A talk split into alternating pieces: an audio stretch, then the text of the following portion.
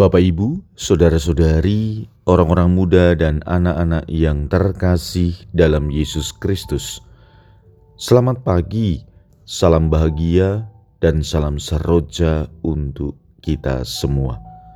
Berkah dalam.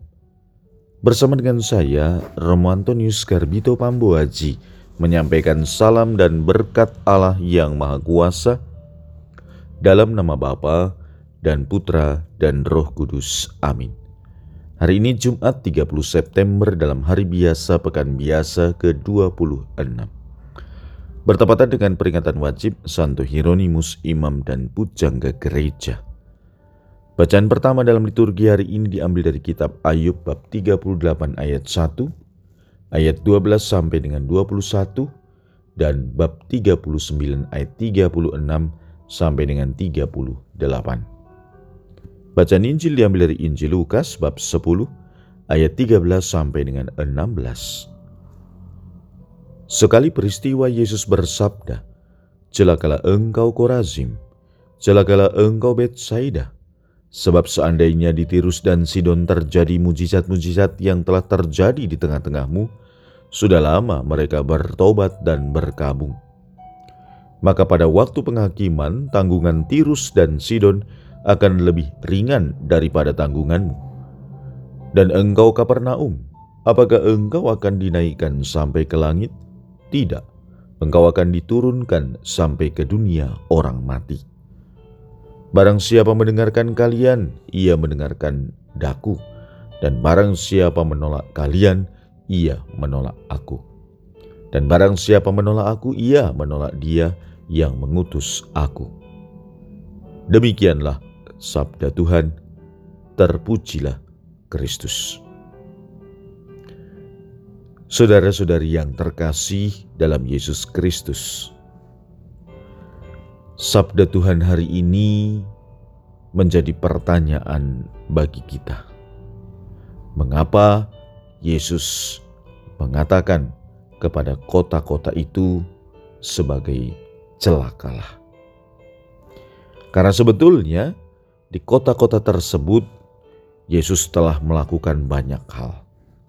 Yesus telah mengajar, Yesus telah melakukan mujizat, dan lain sebagainya. Namun, ternyata apa yang dilakukan oleh Yesus tak kunjung membuat mereka bertobat. Sapaan Tuhan mereka tolak, sehingga mereka pasti akan dijatuhi hukuman berat saudara-saudari yang terkasih. Mereka menolak para murid, mereka mendengarkan Yesus, mereka berart, mereka tidak mendengarkan Yesus, berarti mereka menolak Tuhan sendiri.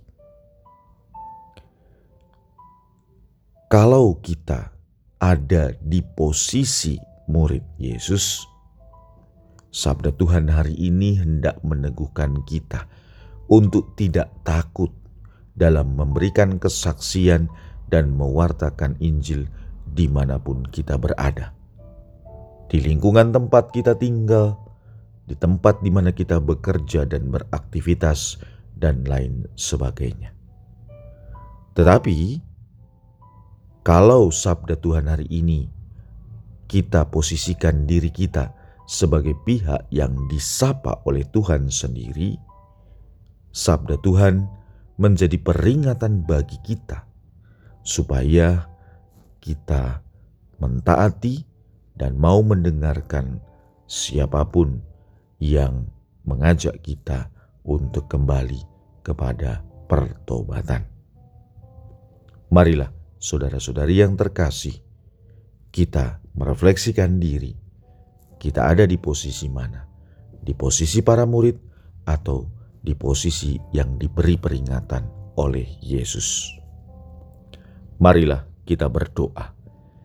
Ya Tuhan, semoga rahmatmu untuk kami yang tak pernah berhenti Engkau berikan, kami terima dengan baik dan kami laksanakan dalam kehidupan kami. Berkat Allah yang Maha Kuasa, dalam nama Bapa dan Putra dan Roh Kudus. Amin.